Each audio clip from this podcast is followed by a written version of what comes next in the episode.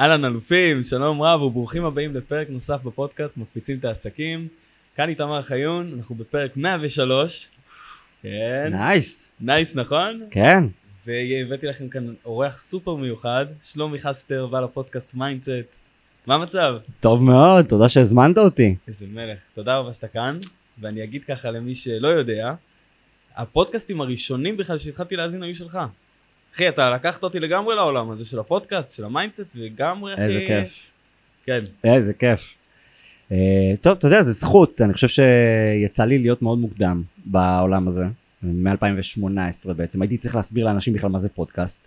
Uh, אז אתה יודע, להיות uh, early adopter תמיד הזדמנות בחיים. כל הכבוד לך, שיחקת אותה. אז תספר לנו ככה, למי שלא מכיר אותך, טיפה מעבר לפודקאסט המפורסם, מי אתה שלומי? וואו, זו שאלה, אני יכול לקחת אותה לכל כך הרבה כיוונים. אה, מה, ה, לרמת כן. האישיות. קודם כל, אני בן אדם סקרן. אני בן אדם שאוהב ללמוד. אני, אני, אוהב, אני אוהב ללמוד כי חוויית הלמידה היא משהו שכשלעצמו יוצר אצלי תחושת סיפוק מהחיים. כי משהו קורה אצלי. אני, הדמיון שלי נדלק, המחשבות מתחילות להתחבר, או דברים שידעתי בצורה אינטואיטיבית, פתאום מתחילים לקבל תבנית כשאני לומד, ואני אומר, אוקיי, יש היגיון שלא הכרתי לפני כן. וזה לא דבר שהוא סטנדרטי עבורי, אה, העובדה שאני בן אדם שאוהב למידה, כי אני חושב שעד גיל 20 הייתי בן אדם שדווקא לא אוהב ללמוד, ככה הגדרתי את עצמי, גם לא הייתי תלמיד טוב בבית ספר. אה, אני, היום אני מבין גם למה, אני במסגרות מהסוג הזה לא עובדות. אה, אבל עם הזמן גיליתי שלא רק שאני אוהב ללמוד, אני אוהב ללמד. זה מה שעשיתי גם בצבא כשבעצם הפכתי להיות מפקד, פתאום גיליתי שאני גם מלמד אנשים, ואז באוניברסיטה ללמד אנשים, ואז בהייטק ללמד אנשים, ואז לנהל צוות שהתפקיד שלו זה ללמד אנשים, ולפתוח פודקאסט שהתפקיד שלו זה להנגיש ידע שמלמד אנשים, ובסוף למידה, אתה יודע, אנחנו מדברים בפודקאסט של בעלי עסקים, ובסוף כל מה שאתה עושה זה בעצם עוזר להם ללמוד, בין אם זה כלים, אסטרטגיות, צורות חשיבה, טכניקות, שיעזרו להם לצמוח. אז למידה משולבת עם יישום, זה הכוח הכי גדול שיש היום. כי בסופו של דבר אם אנחנו יכולים ללמוד, מסוגלים ללמוד, בין אם זה skill, בין אם זה יכולת, אנחנו, ויודעים גם ליישם את זה, אז איפה הפוטנציאל שלנו? הפוטנציאל הופך להיות משהו שאין לו גבול. לגמרי. אז זה מי אני? אני איש סקרן שאוהב ללמוד, אה, ואפשר גם פרטים טכניים, אני יועץ ארגוני, עזבתי את ההייטק לפני כמה חודשים, הייתי מנהל צוות גלובלי של אה, למידה בחברת פינטק. אה, אני פודקאסטר, אני יוצר תוכן, אני אוהב קריפטו, אני אוהב uh, מדיטציות ואני אוהב טבע אז אני חושב שנתתי פה איזשהו אתה יודע אתה יכול לקחת אותי לאן שאתה רוצה אבל אלה הדברים שמאפיינים אותי נשוי יש לי שלושה ילדים אחד מהם הוא תינוקי קטן בן תשעה חודשים שזה uh, חוויה כיפית כי יש לי פער גדול בין הילדים וזהו אני חושב שהמאזינים כבר קיבלו איזה בליל של מידע עליי הם ו... כבר הבינו מי זה לא. שלומי. למרות שאתה יודע, עדיין, אתה התחלת כמו שאמרת את הדרך שלך עם הפודקאסט ב-2018.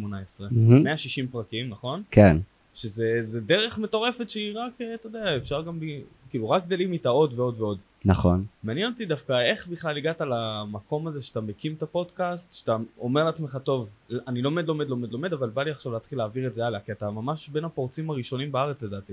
אה, כן, אז היה קל להיכנס ל top 10, כי היית צריך שיהיה לך פודקאסט כדי להיות ב top 10, זה היה כאילו היו עוד איזה כמה פודקאסטים בודדים.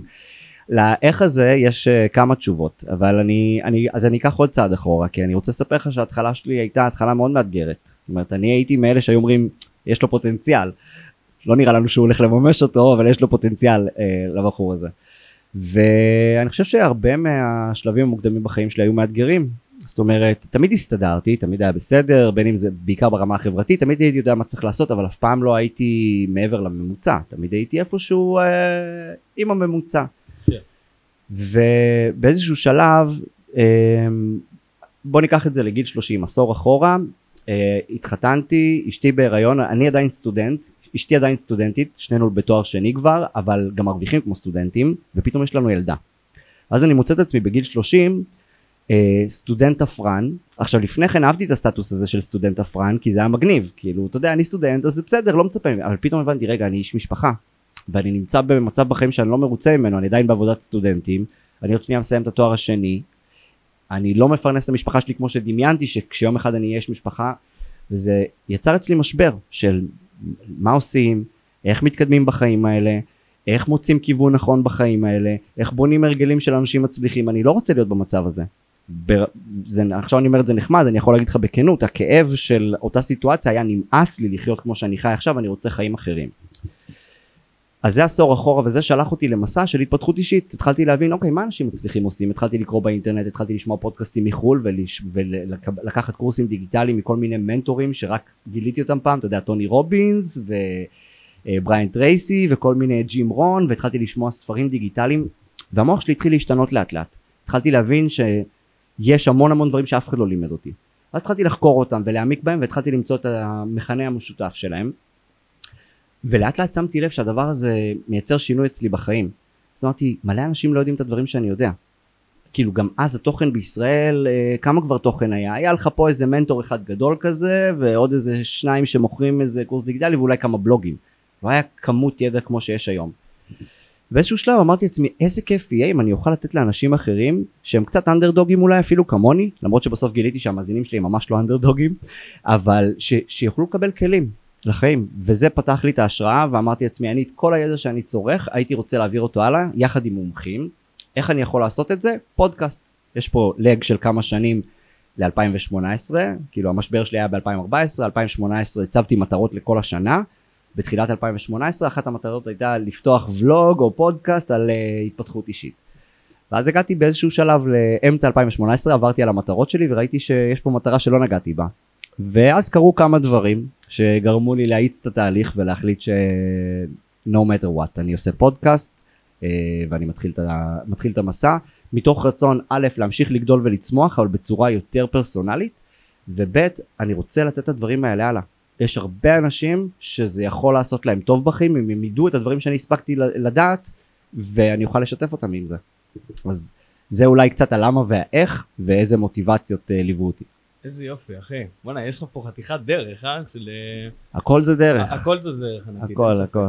ובתור מאזין, שבאמת ככה היה איתך מתחילת הדרך, וגם, אה, וגם היום, היו הרבה מאוד פרקים שככה נגעו בי, עוד שנייה אני אשמח לשמוע איזה פרקים נגעו בך, אוקיי. אבל אני יכול להגיד שבי נגיד נגעו, היה איזשהו פרק עם שחמט, שנורא דווקא אהבתי את הפרק הזה, כי גם בתור אחד שמשחק שחמט, אבל מה שיותר אהבתי זה שהמרואיין מולך נתקע, ולא הפסקת, אמרת לו כאילו אחי פשוט תמשיך זה אני לא עורך את זה כאילו אנחנו פשוט ממשיכים. אז נורא אהבתי את זה. אוקיי.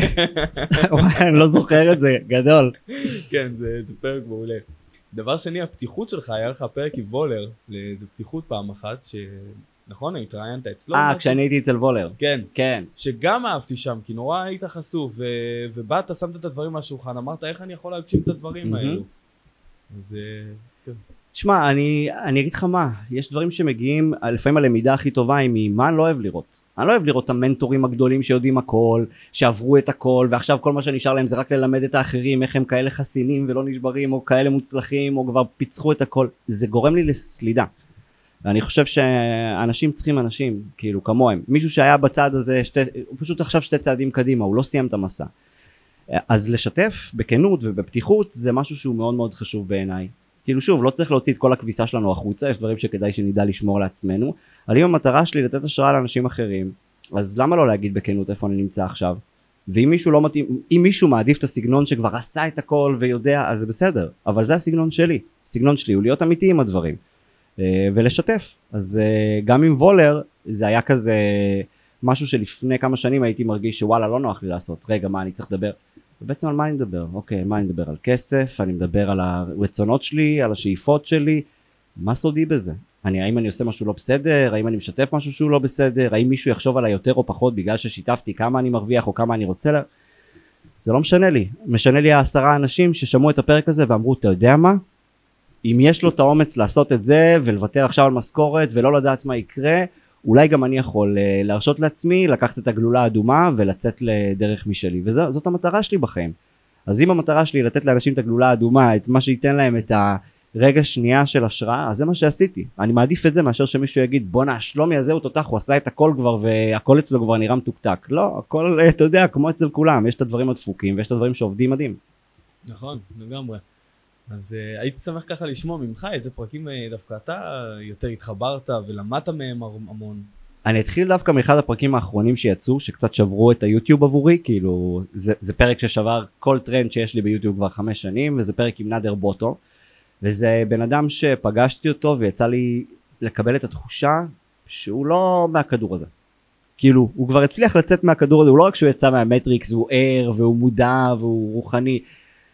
הבן אדם יש לו גישה לדברים שאני לא יכול אפילו לתפוס אותם. זה היה הפרק היחיד שרציתי לשמוע אותו שוב, לא בשביל עריכה או לא בשביל לגזור קטע מעניין, אלא כי רציתי לשמוע את הפרק. אמ, אני, קשה לי קצת להסביר, אבל בסופו של דבר דיברנו על היקום, דיברנו על נשמה של האדם, דיברנו על המסע שהיא עוברת, דיברנו על הספרייה הקוסמית, וואו. דיברנו על גלגול נשמות, הוא עשה לי מדיטציה של גלגול נשמות בפרק, בלייב, וסיימתי אותה ואמרתי לעצמי, טוב, זה סתם דמיון מודרך, שתי דקות אחרי זה התחלתי לבכות. כאילו זה היה הפרק היחיד שעצרתי, כי לא יכולתי להמשיך לראיין. אז. אתה יודע, זה גם היה אחד הפרקים, אשתי שומעת מדי פעם פרקים, אבל זה היה פרק שאשתי לא הצליחה, היא אמרה לי לא, אני, אל תפריע לי, אני לא יכולה, לה- כאילו, אני חייבת להמשיך לשמוע, פרק מטורף. אז זה היה פרק שהיה, הוא פשוט היה חוויה מאוד מאוד גדולה.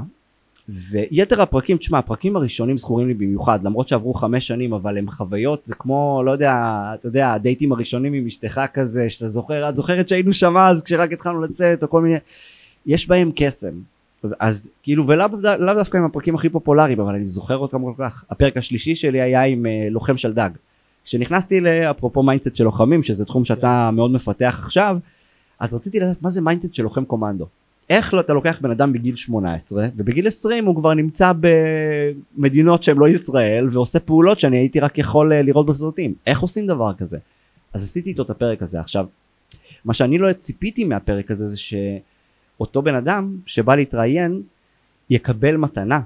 המתנה שהוא קיבל זה היכולת שלו פעם ראשונה לספר את הסיפור שלו, את הקשיים שלו, את המסע שלו. שהוא אומר לי, כאילו סיימנו פרק של שעה, הרגשתי שאני מכיר בן אדם כאילו הוא חבר, התחבקנו כמה פעמים בסוף הפרק, הוא אומר לי תקשיב זה היה כמו טיפול, אחרי זה הוא שלח לי הודעה תקשיב זאת פעם ראשונה שאשתי, חברים שלי, יודעים מה עברתי, לא היה להם מושג עד היום. זה עזר לי להבין את הכוח שיש באינטראקציה הזאת, האינטימית הזאת, משהו שקורה כשהמיקרופון פועל, וזה משהו ש... שמאותו יום הבנתי את הכוח שיש בדבר הזה. זה לא משנה כמה אנשים שמעו את זה, משנה מה קרה בתוך הדינמיקה הזאת, שהיא כל כך אינטימית, כל כך מיוחדת, אז זה היה פרק שאני מאוד מאוד זוכר. ובסוף, אתה יודע, גם אתה עברת את המאה פרקים, אז אתה יודע שבסוף כל... יש אורחים שנהיינו חברים, יש אורחים שעשינו שת"פים, יש אורחים שחשבתי שהפרק יהיה ככה ככה ופתאום הבנתי שוואו הפרק שלהם התפוצץ או שהם שיתפו את זה עם איזה קהילה שלהם וזה תפס. יש אנשים שמילאתי להם את הקליניקות או שמכרו ספרים אחרי שהם היו יוצאים בפודקאסט. אתה יודע כל פרק נוגע בי בצורה אחרת.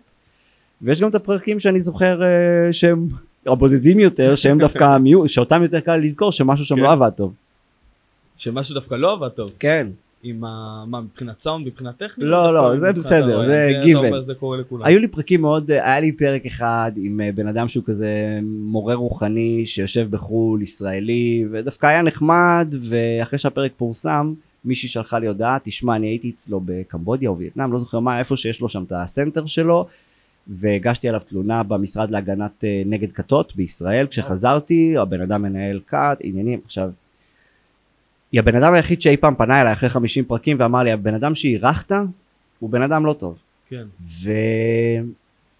ואני קיבלתי החלטה שלמרות שהפרק פורסם ולמרות שכבר קיבלתי פידבקים טובים אנשים אהבו את הפרק עצמו מספיק לי בן אדם אחד שנפגע מבן אדם שאני אירחתי ונתתי לו במה כדי שאני אוריד את הפרק וואו. אז אתה יודע איפשהו ברמת האינטגריטי כי אמרתי אוקיי 50 פרקים זה לא קרה לי וגם היום עד היום לא קרה לי שום אף פעם אתה יודע יש כאלה שלא אוהבים את האורח קניתי את הקורס שלו והתאכזבתי זה לא שלי אבל ברמת ה integrity ברמת הלמי אני נותן במה לא יכולתי להשאיר את הפרק. הספיקה לי מישהי אחת שסיפרה לי שהיא חוותה ממנו חוויה לא טובה כדי להחליט שאני מוריד את הפרק אז את זה אני זוכר.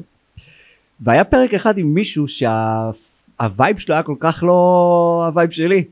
ממש זה בן אדם שבאיזשהו שלב אמרתי אני אם הייתי יכול אה, ל- לעצור פה את הפרק עצרתי הייתי עוצר אותו עכשיו כאילו לא בא לי להמשיך. וזה לימד אותי שאני צריך ללמוד גם איך אה, איך לשמור על קומפוז'ר גם אם הבן אדם שמולי הוא ממש לא מי שחשבתי והפיל שלו ממש שונה. אז למדתי מזה גם איך לנהל את זה. נגיד בפעם הבאה שיקרה לי דבר כזה שמישהו ממש מרגיז אותי שאני אומר מה זה הדוגמאות שהוא נותן ואיזה איזה רמה של ביטויים והוא גם איפשהו מנסה אולי להקטין אותי אני לא יודע לעצור ופשוט לנהל איתו שיחה ולהגיד לו בצורה יותר ברורה כי מה שקרה זה פשוט באיזשהו שלב עשיתי fade away אמרתי טוב אתה לא מעניין אותי בוא ניתן לפרק להסתיים. באיזשהו שלב אחרי איזה חצי שעה אמרתי כזה בוא תגיד מה שאתה רוצה להגיד והייתי כבר disengaged אבל למדתי מזה כי זאת לא המטרה שלי. לא אני לא רוצה להימנע. כן. זה הפודקאסט שלי אני רוצה פה לתת ערך אני רוצה לעצור בפעם הבאה ולהגיד לבן אדם תשמע אנחנו פה כדי לעשות ככה וככה. זה אני חושב שזה לא מחמיא לך כשאתה עושה ככה או אומר ככה או נותן דוגמאות כאלה בוא ננסה לראות איך אנחנו מדייקים מפה והלאה ואת זה לא עשיתי אבל למדתי מזה אז אלה שתי אתה יודע דווקא סיפרתי לך על הדברים שזכרתי אחרת כן, יש פה, יש פה דברים ממש ממש טובים כמו שאתה אומר, שאתה לומד מהם במעשייה ואתה מיישם גם בחיים שלך, אם זה הקריפטו לצורך העניין, בטוח שגם אה, ראיינת איזה מישהו ו... נכון נכון? אבל זה קודם כל נכנס לחיים שלי ואז הבאתי את זה לפודקאסט כן, הרבה פעמים בדיוק. כן כן. ומהצד השני יש פה גם דברים שלא היית רוצה אפילו שהמאזינים שלך יאזינו, או שזה דברים שאתה לא מאמין בהם. הם בודדים הם בודדים אבל הם- הם גם קורים, כן. הם בוד... כן תשמע בסוף זה החיים הם מביאים אליך כל מיני דברים והכל זה גם מבחן אה, איפשהו לעצמנו איך אתה מתמודד. כי בסוף כשאנחנו לא אוהבים משהו במישהו אחר זה אותו דבר שאנחנו פשוט לא אוהבים בעצמנו. כשאני שופט מישהו כשאני מבקר מישהו זה בגלל שלא קיבלתי את אותו דבר בעצמי. אז גם לזה צריך לשים לב אוקיי? כשאני אומר לא הוא כזה או הוא כזה איפה איפה זה נמצא בי? איפה איפה הדבר הזה שאני עכשיו ראיתי אצלו ואני לא אהבתי נמצא בי? בסוף הדברים האלה הם שיעורים לחיים שלנו בסוף כל דבר שאנחנו עושים במיוחד עסקים אתה יודע הקהל שלך העסקים מפגישים את, ה, את האנשים עם דברים שהם בחיים האישיים שלהם נכון, העסק זה רק התירוץ הזה למ- להתפתח אישית. נכון. זה אבל זה תירוץ בדיוק- זה תירוץ מעולה זה תירוץ מדהים. זה אותו דבר כאילו גם פודקאסט, איזשהו מקום שאתה יכול להתחיל לגדול איתו. ואני ממש ממש מרגיש כאן, לא יודע אם, אה, אני בטוח שגם המאזינים בבית מרגישים, אבל איפה שעשית קפיצה רוחנית מאוד גדולה. כלומר, גם תוך כדי הפרקים. איך, איך, אתה מרגיש את זה בעצמך? כן, כן, בטח. העניין הוא שזה כאילו מסוג הדברים שקשה להצביע עליהם, אה, להגיד איזה פרק או איזה נקודה בזמן עזרה לי לעשות את הקפיצה הזאת, כי בעצם אני לא יודע אם באמת הייתה קפיצה, אני חושב שזה בעצם בנייה הדרגתית עם תנודתיות כזאתי לאורך שנים. כי אני לא יכול להגיד שיש פרק אחד ששינה אותי, אבל כל הפרקים ביחד, אני לא אותו שלומי בשום צורה. אני חושב אחרת, אני מגיב אחרת, המשאבים שלי שונים ממה שהיו לי. אה, בעיניי התפתחות אישית יש לה את הלבלים השונים ואפשר להתחיל מהלבלים הכי בסיסיים של ההרגלים שלנו שהם זה, זה גם הדבר אולי הכי חשוב שיש בתוך נכון. התפתחות אישית ההרגלים שלנו מה שאנחנו עושים בעולם החיצוני אז זה להתאמן לאכול טוב ועד לדברים שקשורים להתפתחות רוחנית אבל בעיניי זה על אותה סקאלה אני חושב שכשבן אדם אוכל טוב וישן טוב ומתאמן וכשבן אדם חושב נכון יותר לאט לאט הוא מתחיל להבין רגע מה נכון יותר, מה מתאים לו, וכשאתה יותר אותנטי, אותנטיות ורוחניות די הולכים ביחד, כי אני חושב ששניהם מתחברים למשהו שנמצא לנו בתוך הלב, ועל הלב אפשר לעשות פרק שלם, כי גם את זה חקרתי המון, אבל שני הדברים האלה מגיעים מחיבור ללב. אתה יודע, העולם הזה של, ה- של הרוחני שאני אומר, כי נכון יש לך את ההרגלים כמו שאמרת ואת ה level הזה, אבל איפשהו, שמתי לב גם במילואים עכשיו, אם דיברנו על מיינדסט של. לוחמים, שמתי לב שדווקא העולם של הרוחני, היינו מקבלים הרבה מאוד תוכן בזמן, כלומר לפני הכניסה לעזה ובעזה עצמה. כלומר, הרבה מאוד סיפורי גבורה והרבה מאוד מחשבות טובות והבנה של ההיסטוריה ולאן אנחנו הולכים. ו... וזה הדברים שמחזקים אותנו, כי אתה מקבל לצורך העניין גם מכתבים נגיד מילדים, תודה לך שאתה שומר עלינו, בזכותך אנחנו יכולים לשחק, זה מרגש, זה נותן כוח. אבל אני אומר, התוכן שצה"ל נותן לך, זה בעיקר התוכן של תזכור את ההיסטוריה שלך, תזכור את, ה... את השליחות שלך, את הגבורה, ותזכור שאתה כאילו כאן עכשיו השליח של עם ישראל. זה. זה התוכן שמחזק אותך. אני חושב שזה די, קודם כל איך זה גרם לך להרגיש, מעניין אותי. זה, זה בדיוק גרם לי להרגיש אה, תחושה מאוד אה, חזקה. כלומר, זה נותן לך כוחות, אין ספק שזה עובד. כן, זה עובד חד משמעית. מדהים. כי היו אנשים שגם היו מסתכלים על המסכים ורואים, אה, אתה יודע, את כל מה שהיה ב- בשביל אוקטובר ואונסים, ואתה יודע, את כל התכנים שהם לא טובים לנו. כן. ואנשים כאלו דווקא היו גם כאלו שפרשו, שאמרו אנחנו לא יכולים להישאר. אז לטווח ארוך, אני ממש כזה מחפש עבור בעלי עסקים שמאזינים, הם רוצים בסוף גם להתמיד בעסק שלהם לטווח ארוך, הם רוצים להיות יותר אה, אותנטיים כמו שאמרנו, הם רוצים ש... לא יודע, יבינו אותם טוב יותר. אז קודם כל לסיפורים ולתוכן יש אימפקט הרבה יותר עמוק מלדאטה. אתה מבין? כי יכלו לתת לכם דאטה, נכון? נתונים. טוב, תראו, אה, זה הרמת דיוק של הכלים, אה, ככה הכוחות יהיו פרוסים, אבל ברור לנו שזה לא שהמוח צריך לפתור את זה, כי רציונלית אתה לא יכול לפתור מלחמה. הרוח צריכה להיכנס. הרוח היא זאתי שתוביל, לא סתם גם מדברים על הרוח. ואת הרוח אתה לא מפעיל עם דאטה. אתה יכול אולי קצת אה, טיפה, כן. אבל הרוח אוהבת סיפורים, היא אוהבת רגש, היא אוהבת משמעות, היא אוהבת למה. כל הדברים האלה, הלמה, המשמעות, הסיפורים, ההיסטוריה שלפעמים גם מקודדת בתת מודע הקולקטיבי שלנו. בסוף אנחנו כאנושות, יש דברים שאתה איתמר ואני שלומי קיבלנו מבלי שההורים שלנו או הסבים והסבתות שלנו ילמדו אותנו. יש דברים שעוברים ב-DNA, זה גם מוכח, כן? אני לא מקשקש אה, את דעתי. יש הוכחה שהדברים האלה עוברים, אנחנו פשוט עוד לא יודעים לדבר על זה, עוד לא יודעים להבין את זה. וכשאנחנו מפעילים דברים בתוכנו, שמפעילים לנו את, ה, את הפעימות של הלב, את האופן שבו הלב פועם, לא את זה שהלב יפעם, או את ה BPM, את האופן שבו הוא יפעם. אתה יודע שיש הבדל בין גלים של סטרס, שנראים ככה בה, כאילו כשאם אתה מודד את ה HRV, זה heart rate variation. אז כשאתה בסטרס, הגלים של ה HRV שלך נראים ככה. כאילו, למי שרק שומע אותנו, אני מצייר עם היד אה, גלים אה, מאוד חדים למעלה ולמטה. אבל כשאנחנו נמצאים במצב של coherence, זה מצב שבו הלב שלנו נמצא באיזשהו תדר של compassion, של אהבה, אה, הסטרס יורד והגלים נראים הרבה יותר רגועים, דמיינו כזה גל אודיו כזה נעים, עולה ויורד בצורה של כזה... שמונה אפילו? לוקח אותו לשמונה? או כן, אה, כאילו הוא פשוט לא חוזר על עצמו, אבל כן, כמו ששמונה נראה, מאוד מאוד גלי. וזה נשמע קשה להבין את ההשפעה הישירה שיש לזה על המוח ועל כל ההוויה שלנו, אבל בסוף הלב הוא זה שמסביר למוח איך אנחנו מרגישים, ואז המוח בונה את כל התמונה שהוא, של המציאות סביב מה שהלב שידר לו. זה נכון לגבי פחד, זה נכון לגבי סטרס וזה נכון לגבי אהבה. עכשיו יש לזה מלא מלא דוגמאות שאפשר להיכנס אליהן אם זה מעניין אותך, אבל אני רגע חוזר למה שאתה דיברת עליו לפני כן, למה סיפורי הגבורה האלה, למה הסיפורי ההשראה האלה הם, הם, הם מה שמניע אותנו, כי הם נוגעים בנו במקומות אחרים. את המצב שקרה פה בשביעי באוקטובר אי אפשר לפתור עם המוח, אפשר רק עם הרוח, רק עם הלב, להתחיל לעבור משם, כי המוח לא יכול לפתור את זה. המוח פשוט לא מסוגל לפתור את זה. סיפרתי לך שאני הלכתי לטיפול באמצעות סאונד, נכון. כי הבנתי שטיפול אנליטי או מוחי או לדבר על הדברים האלה, זה לא יעשה לי טוב בשום צורה. כאילו אני לא רוצה לדבר על זה, אני לא רוצה להפעיל את המוח כדי לפתור בעיה שנמצאת במוח. ואז הלכתי למשהו שמדבר אל התודעה שלי, אל הרגש שלי, לגוף שלי, הכל רק לא ישירות למוח. אנחנו יותר מורכבים מרק מוח. כן, כן, כן, אין ספק. זה שזה קודם כל אנחנו צריכים להרגיש משהו, ורק אז, אה, ורק אז אנחנו יכולים להתחיל לאבד אותו, וכמו שאמרת, להוסיף דאטה ונתונים ודברים אה, כאלו. כן, או לפחות, לפ, לכל הפחות לייצר איזון בין הרגשות לבין החשיבה שלנו, ו- ולהבין שאנחנו מכלול של הדברים האלה, כי בסוף אתה יודע, כמה אנשים ראית שאתה חשבת שהם מוצלחים והם מרגישים שיטי לגבי החיים שלהם. נכון. והפוך, אנשים שעל פניו הם לא נראים מצליחים, או הם לא מגדירים את עצמם כמצליחים, אבל אתה אומר בואנה תראה איזה שלווה יש לבן אדם, כאילו החיים שלו נראים פנן. אז יפה, זה יותר ה vibe שלנו, הכולל של הדברים. יפה. ונגעת כאן גם בנקודה מאוד חשובה ב- בלמה שלנו, שזה משהו שהוא הוא נורא מתאים גם לעסקים, כי בסוף הלמה הזה מחזיק אותנו לטווח הרחוק. אתה יכול, אתה יודע, להקים את העסק ואחרי כמה חודשים לסגור אותו, כי כן. אין לך למה מספיק חזק, אין מהמם. לך את ה... משהו שדוחף אותך קדימה. אז הלמה הזה, הייתי רוצה ככה לשמוע את הלמה שלך אולי אפילו מאחורי ה- מהפודקאסט, או מאחורי, ה- אתה יודע, מה שמניע אותך באמת לרוץ עם זה שנים. קודם כל כשאתה עושה משהו שאתה אוהב זה לא עבודה. באמת, אני תמיד, תמיד נהניתי לעשות פרקים, תמיד נהניתי לדבר עם אנשים על דברים שיש להם משמעות ואימפקט ויכולים לעשות טוב לאחרים. אז קודם כל, לעשות את זה במשך שנים, לא ידעתי שאני אמשיך כל כך הרבה זמן, היום אני יודע שאני לא הולך לעצור. כן. אז זה, זה, זה, זה משהו שלמדתי, כי הבנתי שמעבר לכל אני יוצר תוכן. זה, יוצר תוכן ואיש של למידה זה הבסיס של כל מה שאני עושה בחיים. אה, הלמה שלי זה...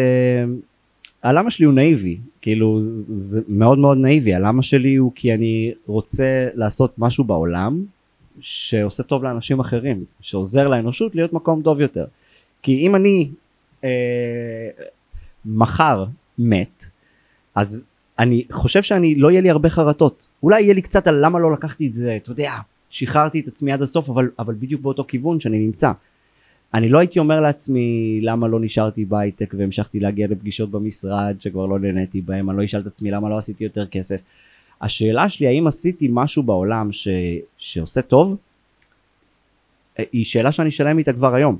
ואני לראיה מקבל על בסיס יומי, אה, או, או אחת ליומיים. הפרק הזה שינה אותי, הפודקאסט שלך עוזר לי, הפודקאסט שלך הציל אותי.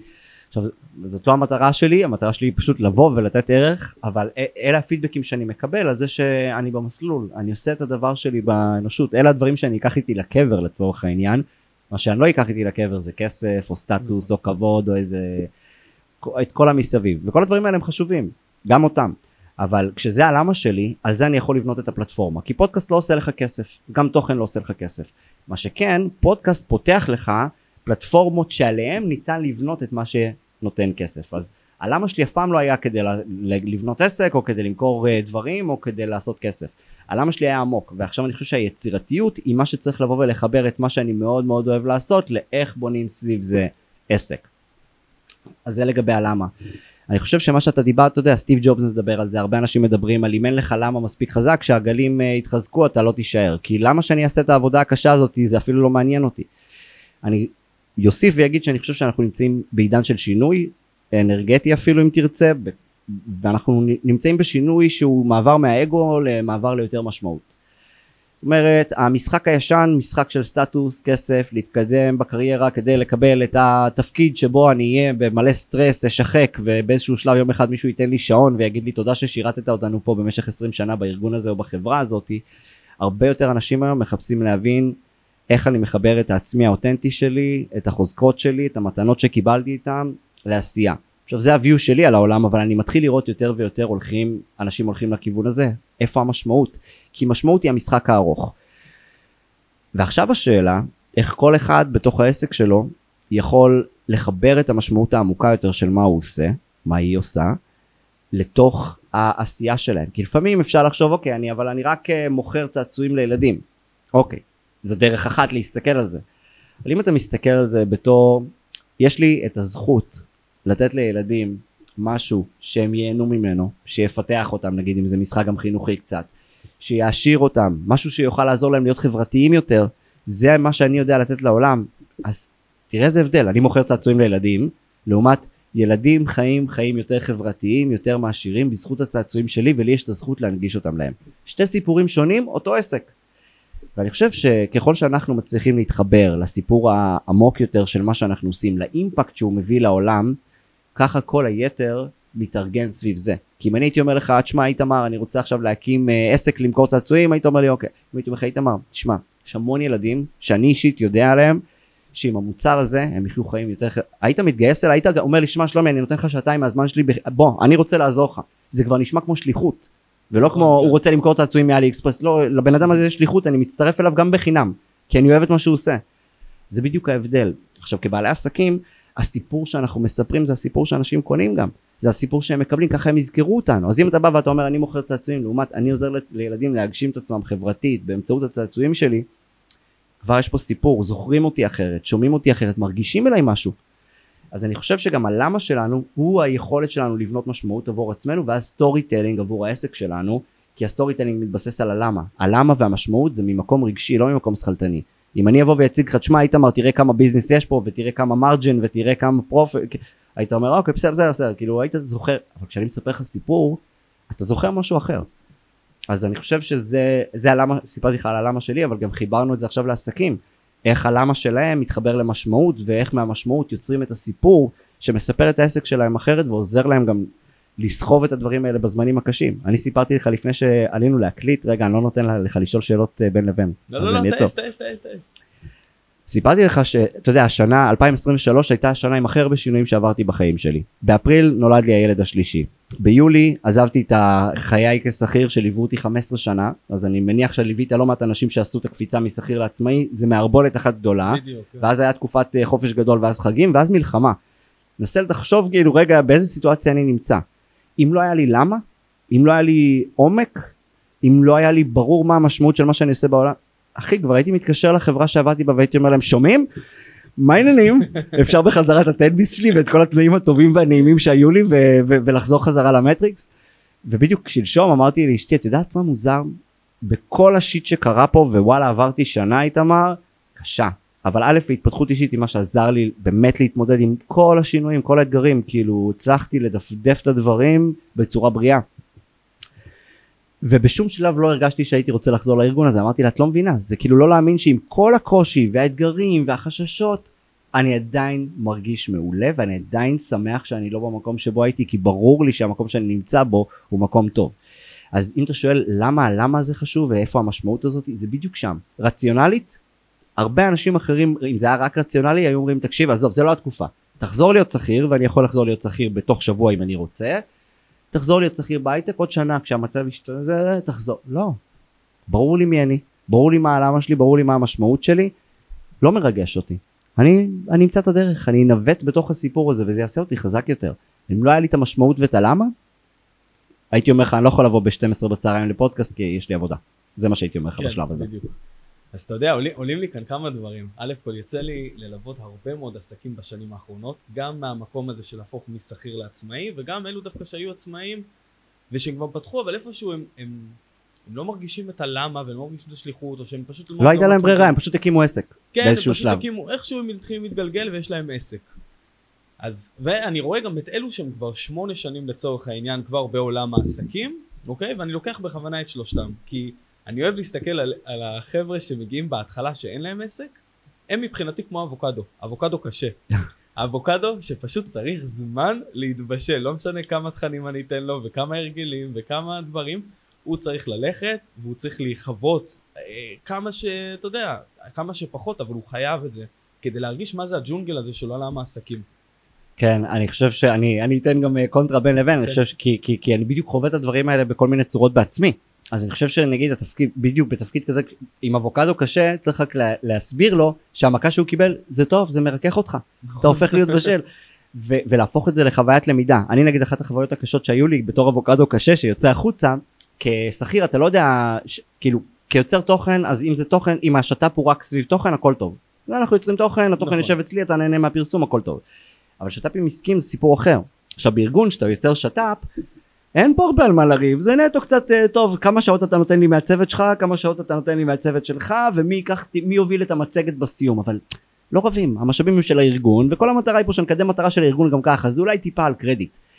שת"פים בחוץ, זה ג'ונגל, שת"פים בחוץ, אתה יודע, חברים שחשבתי שאמרתי, רגע, אבל אתה חבר, מה, אתה בא לאכול אותי? תגיד לי, חשב, כאילו, ופתאום אתה רואה אנשים באור אחר, או אנשים שאתה יודע, הכל כזה נורא לא ברור, וגם אצלי, ללמוד רגע, שנייה שנייה, הכל טוב, שים את האינטרס על השולחן, כאילו בוא לא נשמור את האינטרס לסוף, לעשות שיחה נעימה אני יכול בכל יום, אבל המטרה, לשיחה הזאת יש מטרה, בוא נשים את האינטרס על השולחן לפני, לא אחרי, ולא נבזבז את הזמן אחד של השני, אז על שת"פים למדתי הרבה, ובעיקר מה שלמדתי זה למה לא להיכנס.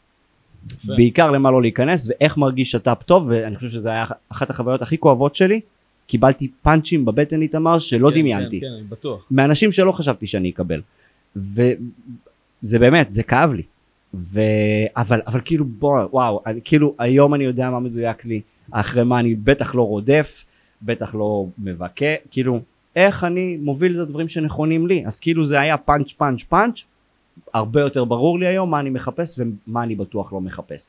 אז נתת את הדוגמה של החבר'ה שהם אבוקדו קשה מעניין אותי לשמוע על שאר הטיפוסים אז יש באמת את הטיפוסים שהם כמו שאמרנו הם כבר שמונה שנים שם הם כבר מכירים את העולם הזה והם רוצים לפתח עוד דברים כי בסוף מה שאני שם לב באמת אצל עסקים זה שהם כל הזמן מחפשים לפתח עוד מוצרים חדשים להביא עוד דברים ללקוחות שלהם כמו, ש... כמו שאתה עושה בדיוק כמו שאנחנו עושים יוצרים עוד תוכן. ויש יש כאן איזושהי דוגמה טובה דווקא כי יצא לי ללוות אני עדיין מלווה כן? ילד ילד בן 16 וואלה. ילד בן 16 שהוא עורך וידאו והוא מטורף ויש לו עסק ויש לו פרילנסרים תחתיו יואו. הוא מעצמה. גדול. הוא מעצמה שלומי. והיה לו איזשהו שת"פ עסקי שהוא התחיל באמת עם, אה, עם מישהו שפעם הפגשתי אותו. אתה יודע רק כדי שלום שלום כאילו שיכירו. אבל הוא התחיל איתו איזשהו שת"פ עסקי בדיוק כמו שאמרת הוא לא ידע לאן הוא נכנס. ופתאום אה, אני הייתי במילואים לא דיברנו על זה והכל ופתאום אני כאילו עכשיו מתחיל לראות שוואלה יש בעיות. אבל הוא ילד בן 16 הוא מתחיל להיחוות אבל אתה שם לב בקול שלו את, ה, את הבגרות. אתה שם לב שוואלה הוא נכווה פתאום אתה שומע את הקפיצה. הבן אדם עשה קפיצה. ראיתי אותו לפני ראיתי אותו אחרי אני רואה כאן קפיצה ואני אוהב לראות את הקפיצות שאנשים עושים. אה, קודם כל איזה כיף לך שאתה נמצא כן. במקום הזה כי אחד הדברים גם כמנהל כשהייתי ב... כשהייתי כשעבדתי בהייטק תמיד עניין אותי יותר כמה אנשים יצמחו איתי השנה בצוות שלי מאשר כמה משימות נסיים. עכשיו, זה אולי, כאילו, זה לא שהייתי שם את המשימות אה, על hold והיינו עושים רק אה, קואוצ'ינג, כן. אבל תמיד עניין אותי לראות את ההזדמנויות לגדילה שיש לאנשים. זאת אומרת, כל סיטואציה מאתגרת שהייתה לנו בעבודה, בפרויקט, בכל דבר, תמיד ניסיתי לראות איך בסוף אנחנו לומדים מזה, איך הוא צומח מזה. ואז אתה רואה, היו כאלה שעשו קפיצות מדהימות, היו כאלה שפחות היו בקטע של להשתנות או ללמוד, וזה טיפוסים שונים. אבל זה דברים שתמיד סיפקו אותי ואיזה כיף שיש לך את זה שאתה רואה את, ה, את הדברים האלה את הקפיצות האלה קורות. יאללה, פנן, אז בואו, אנחנו צריכים לראות פה עוד הרבה מאוד קפיצות, כאילו, זה באמת כיף לראות את זה ככה מהמם. מהצד ולהיות חלק מתהליך. יש לך איזושהי קפיצה כזאת שאתה אומר לעצמך, הנה, פה הרגשתי בסיטואציה הזאת שעשיתי את הקפיצה? באיזה, באיזה עולם תוכן? דווקא בא לי לקחת אותך לעולם, ה... לעולם העסקי, לעולם של ההתפתחות האישית, לעולם מהמם. העסקי כזה. אני אגיד שאני baby בעסקים, כאילו מרגיש לי לדבר על עסקים אה, כמו משהו שאני נורא נורא חדש בו. יש דברים שהם מאוד טבעיים לי, כי בסוף, אה, אוקיי, אני יודע לנהל, אני יודע להוביל פרויקט, אני יודע לתכנן, אני יודע לבנות סילבוס, אני יודע ליצור תוכן, אני מאוד עצמאי גם בכל מה שאני עושה, אני יודע לקש, ליצור קשרים, אני יודע לפנות, יש לי מלא אנשים שאני יכול לפנות אליהם ולעזר. אני חושב ש... אני אדבר על הקפיצה שבא לי לעשות, כי אני חושב אוקיי. שיש משהו מאוד תמים בלהיות שכיר. אתה שכיר, אתה עושה את הדברים, ואז אתה עושה אותם טוב, אז אתה מתקדם, ומשלמים לך יותר, ואתה יכול לדרוש יותר מהארגון, וזה תהליך מאוד טבעי שמחבר בין מי אתה, מה אתה נותן, לבין היכולות שלך, לבין כמה אתה מרוויח. העניין הוא שא' יש לו לימיט, וב' זה עובד מאוד טוב במערכת סגורה. כשאתה יוצא החוצה, לא מכירים אותך. זה לא שאומרים, שלומי, ברור שאנחנו מקדמים את שלומי, או- אוקיי, אם שלומי ביקש את התנאים האלה לחוזה של השנה החדשה, הוא הביא מלא ערך שנה קודמת, אפשר, אתה כל הזמן באינטראקציה הזאת. אז א', יש לי למידה שמצד אחד מכירים אותי המון אנשים באמצעות הפודקאסט, אבל הם כולם מכירים אותי בתור הייטקיסט סקרן שיש לו פודקאסט כבר חמש שנים, אז אתה צריך, א', זה לייצר שינוי בתדמית. אנשים עדיין לא לגמרי מבינים שאני כבר לא נמצא שם, אלא שהיום אני יועץ ארגוני, שאני עושה סדנאות לארגונים, הרצאות לארגונים, שיש לי תוכן דיגיטלי שאני מוציא אותו בעצם לכל מי שרוצה קורס דיגיטלי וכאלה. אנשים לא יודעים את זה. זאת אומרת, אז א', יש פה להבין את עצמי, מי אני, שזה אני חושב קיבל דיוקים בתקופה האחרונה, ב' זה להבין איך אתה משווק את זה. זאת אומרת, אני, יש בי משהו מאוד נאיבי שאומר אנשים אמורים לדעת שאני טוב, או אנשים אמורים לדעת שאם אני מוציא תוכן הוא יהיה איכותי, הוא ממוקד ערך, אבל זה לא עובד ככה, אנשים רגילים לפאנלים. אם אתה לא מעביר אותי בפאנל הקלאסי של תלחץ פה לקבל מדריך חינם, קח את המיני קורס שלי ואז לקבל את ההצעה, הם כנראה לא יקליקו, כי זה שאתה אחלה ואתה יודע מי אתה, זה לא אומר שהם לא יודעים. אז שיווק באמצעות תוכן אני יודע לעשות טוב, שיווק שמוכר באמצעות תוכן זאת הקפיצה הבאה שלי. כי בסופו של דבר כדי שאני אוכל לחיות את המשמעות שלי, את הלמה שלי ולשחק משחק ארוך ולחיות בשגשוג, יש פה כמה קפיצות שאני צריך לדעת לעשות. אז שיווק ומכירות אלה השתי קפיצות שאני הכי הייתי רוצה לעשות, כי כל היתר דווקא מרגיש לי, אתה יודע, בסוף שיווק ומכירות, כאילו, כאילו לא אמרתי כלום, אה, זה השני פסיקים זה, הקטנים זה האלה. הלב, זה הלב של העסק. זה בסוף ספק. הלב של, ה... של מה שבסוף הופך את מה שאתה יודע לעשות לכסף. זה, זה בדיוק זה, כי יש הרבה דברים שאני יודע לעשות ואני טוב בהם או משתפר בהם. אבל אלה הקפיצות שכשכיר לא קיבלתי את הסקיל הזה. כעצמאי אני מתחיל להבין שכדאי מאוד אה, להמשיך ולפתח את היכולות האלה. יאללה, מדהים. קודם כל, אנחנו, אנחנו נעקוב אחרי כל הדבר הזה. כן? יאללה אתם זה אה, נשמע- מוזמנים הנה זה אני הכל פתוח הכל, הכל פתוח גם עם וולר יש לי עוד אה, כמה חודשים מאז אני חושב שבסוף הפרק עם וולר אמרתי בוא נבדוק עוד שנתיים אם הגעתי ליעד אבל שנתיים זה רחוק, מה, לא? לא. זה- לא אני לא מדבר א' אני לא אומר עוד שנתיים אז תכננתי להישאר עוד אה, תקופה שכיר ואז לבנות נכון. את זה לאט עכשיו אני בוא אני עם הגב לקיר אני כבר לא שכיר מהקיץ אין לי אפשרויות אבל אני גם אוהב את הפוזיציה הזאתי אני כאילו תן לי גב לקיר תן לי אנדרדוג אין משהו שמוציא ממני יותר את המאדר פאקר הפנימי שלי מהסיטואציות האלה. ברור, כי אין לך ברירה. אין לי ברירה ואני גם יודע שבסיטואציות האלה אני כאילו אין אני כאילו אני אקפוץ גבוה מאוד. כן. שאלה של זמן. הש...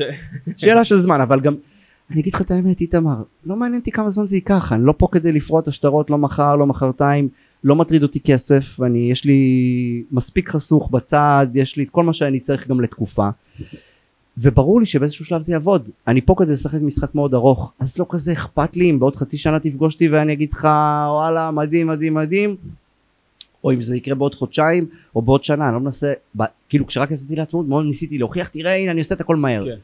I don't give a shit. אני רוצה ליהנות מהחיים שלי, אני רוצה שיהיה לי טוב. אני לא מנסה להוכיח כלום לאף אחד. אני רוצה לעשות את מה שאני מאמין בו, וזה בסופו של דבר יעבוד. יש גבול לעד כמה אני אוכל לנסות דברים שבסוף לא יעבדו. כאילו, יש גבול לכמות הלא שאני אשמע. ואני אומר לך בכנות, אני טוב במה שאני עושה. נכון. אז זה נטו שאלה של להבין איפה הדברים עוד לא הקליקו. ולזה יש לי סבלנות. תקשיב, זה אש אחי, וכיף לשמוע אותך שאתה כאילו אומר, יש לי את הסבלנות, כי באמת עסקים, ששוב פעם, אני מדבר מה, מהשטח. אנשים שבאים לפגישות, או אנשים שאני איתם בליוויים, כולם נורא בלחץ. רוצה כסף, רוצה כסף, רוצה כסף. כאילו אני צריך להחזיר את ההחזרים, ויש לי מלא הוצאות, ויש לי מלא דברים, ואז, ברגע שאתה במצב הישרדות, נורא קשה להיות דווקא במקום של היצירת תוכן ובהשפעה, כי אתה ברור. הזמן חושב על אם כסף. אני הייתי, כל פרק שאני עושה הייתי שואל כמה מכירות הוא הביא לי, הייתי כבר מזמן עוצר את ה... כאילו, מי, מי, מי עושה תוכן כדי... אה, אבל אתה עושה תוכן כדי לבנות את עצמך, כדי לתת ערך לאנשים, כדי לייצר משהו שהוא הרבה יותר אוטוריטה מאשר רק בן אדם שמוכר שירות. יש לזה אימפקט אחר, וזה שונה. ובגלל זה אני, שוב, יש בי משהו נאיבי, אני בן אדם שמתפתח לאט, אבל אני מתפתח עמוק, ואני מתפתח בצורה משמעותית. ולכן אני משחק, אני הצב במשחק. יש את הצב והארנב, אני הצב. ואתה יודע מה? כן. טוב לי להיות הצב. זה משהו שלקח לי זמן להבין אותי. אני late bloomer, לוקח לפעמים זמן להבין דברים, למרות שאני חד ואני חריף כשצריך, אבל לוקח זמן לדברים להבשיל, אבל אני גם מספיק סומך על עצמי, אני יודע איך ה flow שלי עובד. שנה ראשונה, אוקיי, כזה הכל ב mode כזה של אה, מתקדמים, אבל יש הרבה אנרגיה והכל כואב, כי הכל זה יציאה מאזור הנוחות. שנה שנייה יש פירות. כל דבר שאני עושה, איתמר, כל דבר שאני עושה זה הדפוס. שנה ראשונה מאוד כואב, אבל אבל גם עם הרבה אנרגיה והרבה כוונה, שנה שנייה הנה הפירות, שנה שלישית קילין איט. בכל דבר שעשיתי זה הדפוס. מטורף. אז- אז... זה, זו אחלה, אחלה גישה, כאילו. Uh, כן, אבל אתה יודע, הכנתי את עצמי טוב טוב לנקודה הזאת. לא, לא דמיינתי מלחמה בדרך, אבל בסדר, אוקיי, זה עוד, עוד משהו בין לבין. אה, כן. עוד, עוד משהו שקרה בין לבין, אבל זה גם, זה לא יימשך לנצח. המשק יצטרך לחזור, אנשים יצטרכו לעשות התפתחות אישית, ארגן, ארגונים יצטרכו להמשיך לשפר את הסקילים של העובדים שלהם. אנחנו נמצא את הדרך. יפה מאוד. טוב, בחרת כאן גם קהל יעד שהוא מאוד uh, מיוחד, כאילו ארגונים וזה, מאוד uh, בטוח שגם דייקת אותו. תשמע, אני בא מארגונים, אני יועץ אתה ארגוני בהכשרה משם, שלי, כן. אני אחרי 15 שנים בחברות סטארט-אפ והייטק, אני מכיר את השפה, אני מכיר את האנשים ויותר מזה, גם, כ, גם כמישהו שעשה את זה בתוך ארגונים, סדנאות והרצאות בתוך הארגונים שעבדתי בהם, וגם בתור מישהו שעבד שם וניהל שם, אני מכיר את הכאבים. אני לא איזה מישהו חיצוני שרק מגיע כי הוא למד משהו והוא יכול לדבר, אני מבין איפה הם נמצאים. כן. אז היכולת שלי גם להכיר את השפות, את הדינמיקה, וגם להביא תוכן חיצוני שבאמת יוצר אימפקט, זה משהו שהיה לי obvious שהוא צריך לעבוד, וזה גם קהל שאני מאוד מאוד הייתי שמח לעזור לו להתקדם ולצמוח, כי אני יודע בדיוק מה זה אומר להיות בנקודה הזאתי. בסוף אתה יכול לעזור לאנשים כשהיית במצב דומה לשלהם. אתה יודע, אם אני אה, אחליט שאני יועץ עסקי, עכשיו, למרות שאני בן אדם חכם, אני מסוגל טכנית ללמוד כמה קורסים, אבל איך אני, אם אני לא עברתי את הדרך, למה שאני אלמד אנשים אחרים? נכון. אז ארגונים זה קהל אחד שאני מאוד מבין אותו, ומצד שני התפתחות אישית זה משהו שאני מאוד מבין אותו. והדברים האלה הולכים ביחד. בסוף ארגונים, אם, אם תסתכל על הטרנדים שאנחנו רואים היום בדוחות של לינקדאין מוציאים, soft skills, שזה בעצם הרבה דברים שקשורים להתפתחות אישית, אינטל, אינטליגנציה רגשית, אה, גמישות קוגניטיביות, אג'יליות מנטלית, growth mindset, חוסן, זה דברים שלוקחים אותם היום לתוך ארגונים. כי בסוף, בטח עם בינה מלאכותית ואוטומציות וזה, אה, בסוף המשאב האנושי הופך להיות הרבה מאוד, הרבה יותר חשוב מהמשאב המקצועי שהבן אדם מביא. פעם אתה, אני איש מקצוע, אני מומחה בדאטה. היום אם אתה מנהל שרק מבין דאטה, אבל לא מבין רגע איפה העובד שלו נמצא, וזה שהעובד שלו עכשיו מרגיש חוסר ביטחון תעסוקתי, כי אתה רק ממוקד בדאטה ובאיך הוא מוציא את הדוחות, ואתה רק מלמד אותו על דאטה, אבל אתה לא נותן לו ביטחון תעסוקתי.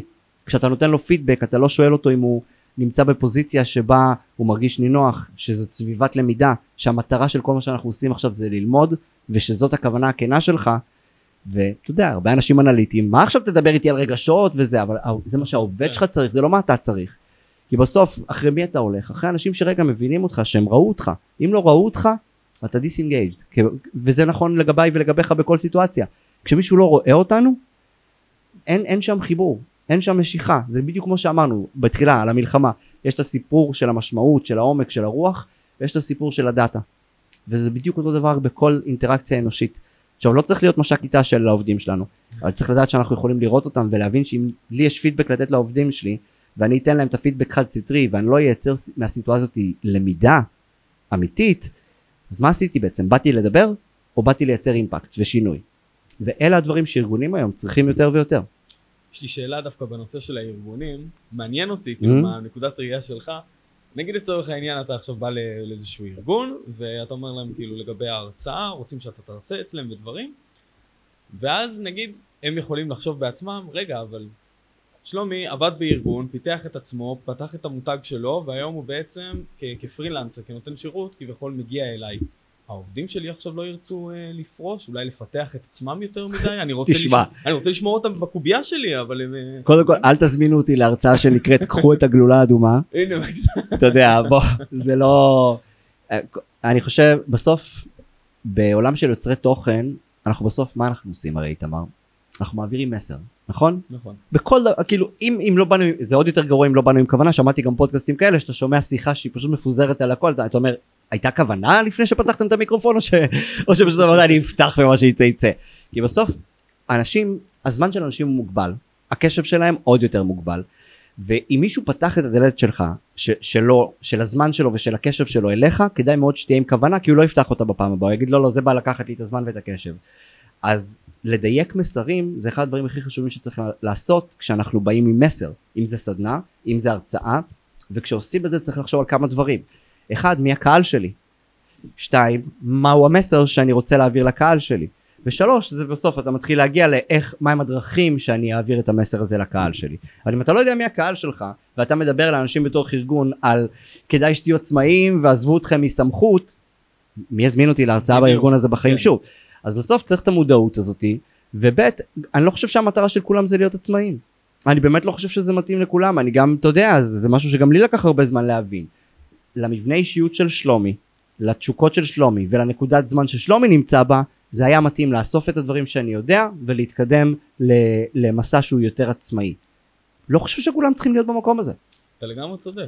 אבל כן אני. חושב שכולם צריכים לשאוף לשגשוג.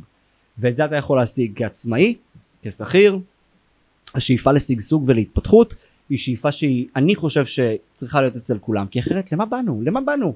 מישהו זרק אותנו פה על הכדור הזה אמר לכו תשחקו 90 80 70 שנה תעשו משהו. מה, מה המטרה? ש... משימות? ללכת אה, בזרם עם הכל? לא. אני כן יעודד בן אדם שנמצא בארגון להבין רגע איפה הוא מקדיש זמן לעצמו ולתחביבים שלו. ואתה יודע מה? גם הארגון רוצה את זה כי הארגון לא רוצה בן אדם שישחק לו אחרי שנה אבל בן אדם שיוצא לגלוש בשש בבוקר מגיע לעבודה בשמונה וחצי או בתשע פעם ב... או קצת מעבר פעם בשבוע או בן אדם שמפנה לעצמו זמן בערב בן אדם שלקח חופ... חופשה של חודש שזה כאילו וואו אחי נעלמת לחודש מהעבודה. זה בן אדם שיעריך את המקום העבודה שלו שמאפשר לו להתפתח לחיות לצד הקריירה. ולא בן אדם שאחרי כמה זמן יגיד בוא'נה העבודה הזאת שאהבה לי את החיים אני עוזב ואני אפילו לא מודיע להם שאני עוזב אני פשוט עוזב כי נשבר לי כי עכשיו הבנתי שזה מגיע מפה אז ארגון רוצה את זה זה הכל שאלה של איזונים מטורף, תקשיב, עולם ומלואו. ו... עולם כן, ומלואו. אני, אני, לא, לא יצא לי לעבוד כשכיר, כאילו בארגון או בדברים כאלו, לא יצא לי, כי פשוט, אתה יודע, אבא שלי אה, בעל עסק, ואני מגיל קטן, פשוט ידעתי שאני הולך להיות בעל עסק, וזה התחיל מלימונדה כשהייתי קטן, גדול. ואז, אה, לא יודע מה, זה פתח לחברה בארצות הברית, באמת מכרת לימונדה כשהיית קטן? כשהייתי, כן, בן כן? תשע, מכרתי ממש מול גני הבהאים, פתחתי, אה, אתה יודע, שולחן כזה עם לימונדה, איזה אלוף לאמריקאים, אה, אה, הייתה שם בעיה, אבל מה פשטתי רגל מהר מאוד, שתיתי את כל הלימונדה. טוב ילד בן תשע כן אוהב סוכר כן, בסדר בוא'נה תראה איזה שיעור קיבלת בגיל תשע Don't get high on your own supply כאילו ו- ומאז אני גם לא בתחום המזון, אז בכלל... איך שמרת על גזרה טובה אחי.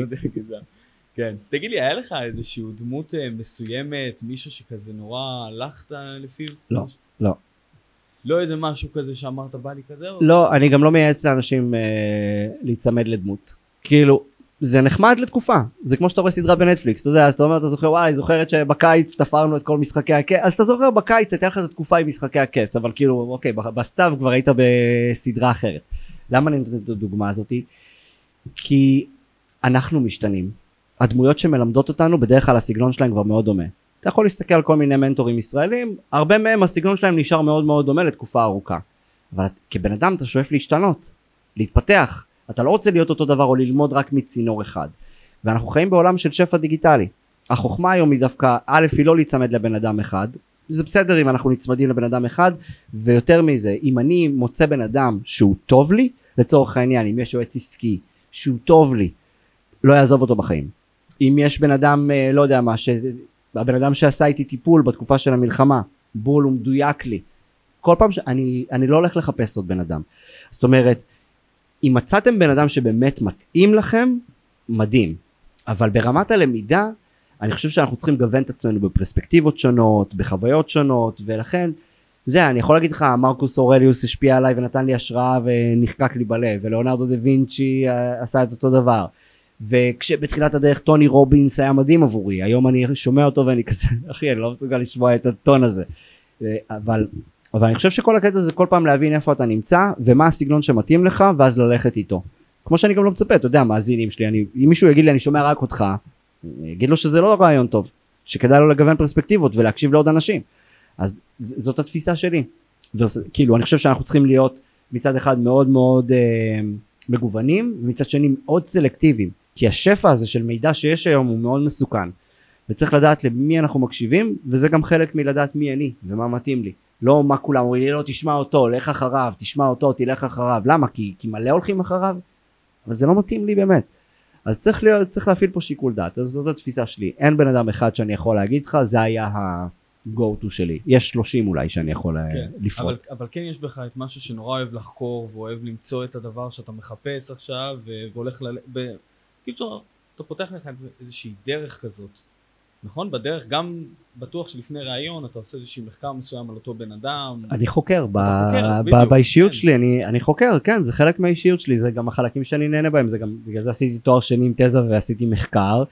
אה, נאדר בוטו שהיה אצלי שסיפרתי לך עליו בסוף הפודקאסט אה, שאמרתי לו איזה קוד אנושי אני כי הוא, הוא כתב 64 קודים אנושיים שכולנו מורכבים מאחד מהם. הוא אמר לי אתה חוקר אלטרואיסט בלי להסס אתה חוקר אלטרואיסט. הוא צודק.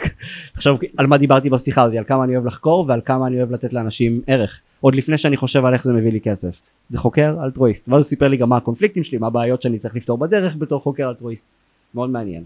יפה טוב אני רץ אחר כך להאזין לפרק הזה. אתה תשלח לי גם הודעה אחריו. אני בטוח. 154, 153 כזה. כן כן. לא מזמן. יפה מאוד. יאללה נהדר. טוב אז אנחנו ככה לקראת סיום. בא לי ככה לשאול אותך איפה אנחנו נראה אותך בעוד שבע שנים. או-אה. א', אמ, אני מקווה ש... מקווה ששונה בדברים שאני שעכשיו מעסיקים אותי. אני מקווה שאני אמצא עוד דברים אה, שמעניינים אותי. אני, אני מאחל לעצמי באופן כללי, זה יותר מה אני מאחל לעצמי, אני מאחל לעצמי לחיות חיים שבהם אני יכול uh, לקחת את התשוקות שלי, את מה שמעניין אותי, ואז להתקדם איתם. אז אני לא יודע, כי אני לא חושב שיש לי יעד לעוד שבע שנים, יש לי יעד לעוד חצי שנה, זה יותר uh, ריאלי. אני פשוט מאחל לעצמי שאני אחיה בצורה שהיא קשובה לעצמי, שהיא מחוברת לעצמי, שבו אני, בחיים שבהם אני לא רודף אחרי מה שהאגו רוצה. Uh, חיים של שגשוג ושל uh, שפע.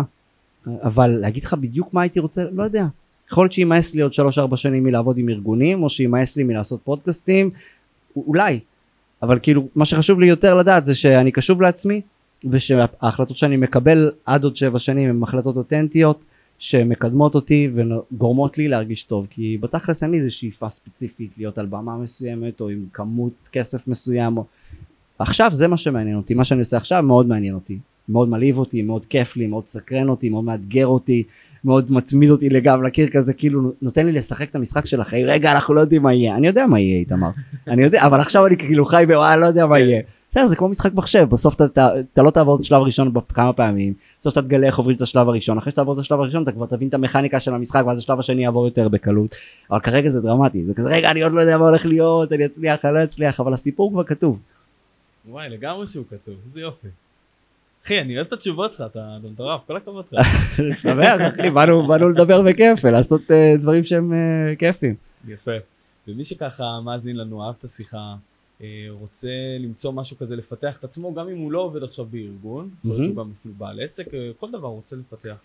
אז אה, עוד שבועיים, אני לא יודע מתי הפרק הזה יעלה, אבל עוד שבועיים האתר של מיינדסט אה, יושק, ואז בעצם כל מי שמחפש לעשות התפתחות אישית ממוקדת נושא לא צריך לעבור בפודקאסט שלי. אפשר גם לכתוב מיינדסט בכל האפליקציות של הפודקאסטים ולמצוא את הפודקאסט. אבל יש שם 160 פרקים כל אחד בצבע אחר נושא שונה. עכשיו אם מישהו מעניין אותו עכשיו רק קריירה ומנהיגות או אם מישהו מעניין אותו רק עכשיו כסף ועסקים, או אם מישהו עכשיו מעניין אותו פרודוקטיביות, או תזונה, או מערכות יחסים, הכל הולך להיות מסודר לפי קטגוריות באתר, בצורה מאוד מאוד נוחה. ככה שכל אחד יכול להעמיק בפרקים של הפודקאסט, בבלוגים ובקטעי וידאו קצרים, סביב נושא שמאוד מעניין אותו, אז תכתבו מגזין מיינדסט.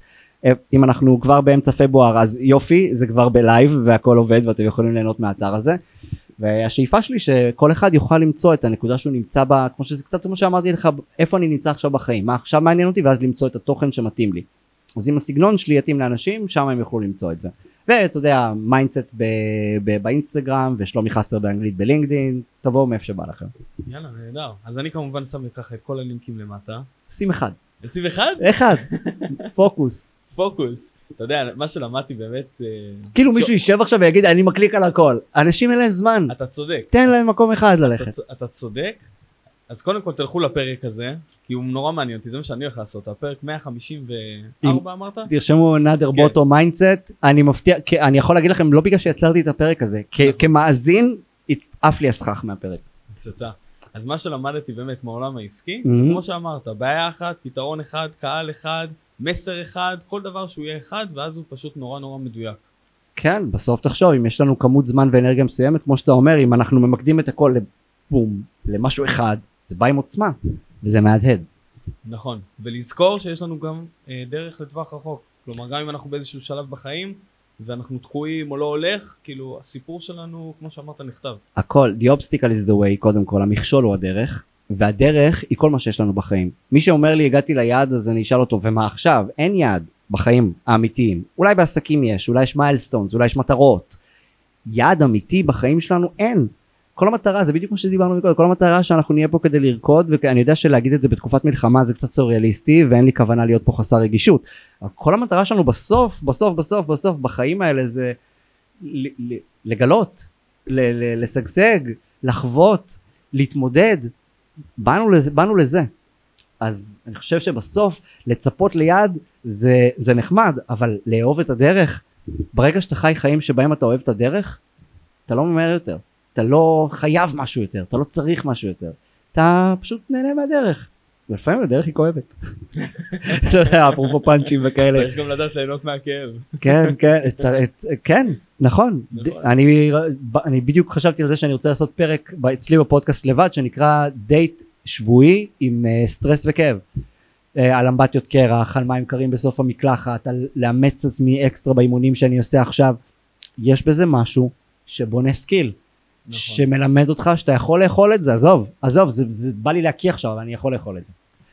איתמר, אני רוצה להגיד לך ממש תודה, uh, כי אני התארחתי בכמה פודקאסטים והזוויות שהוצאת ממני וגם האנרגיה שהוצאת ממני היא הייתה מאוד כיפית, ממש שמחתי גם לדבר איתך על הדברים האלה, לא רק להגיד את הדברים, אלא באמת מאיפה הם באו אצלי.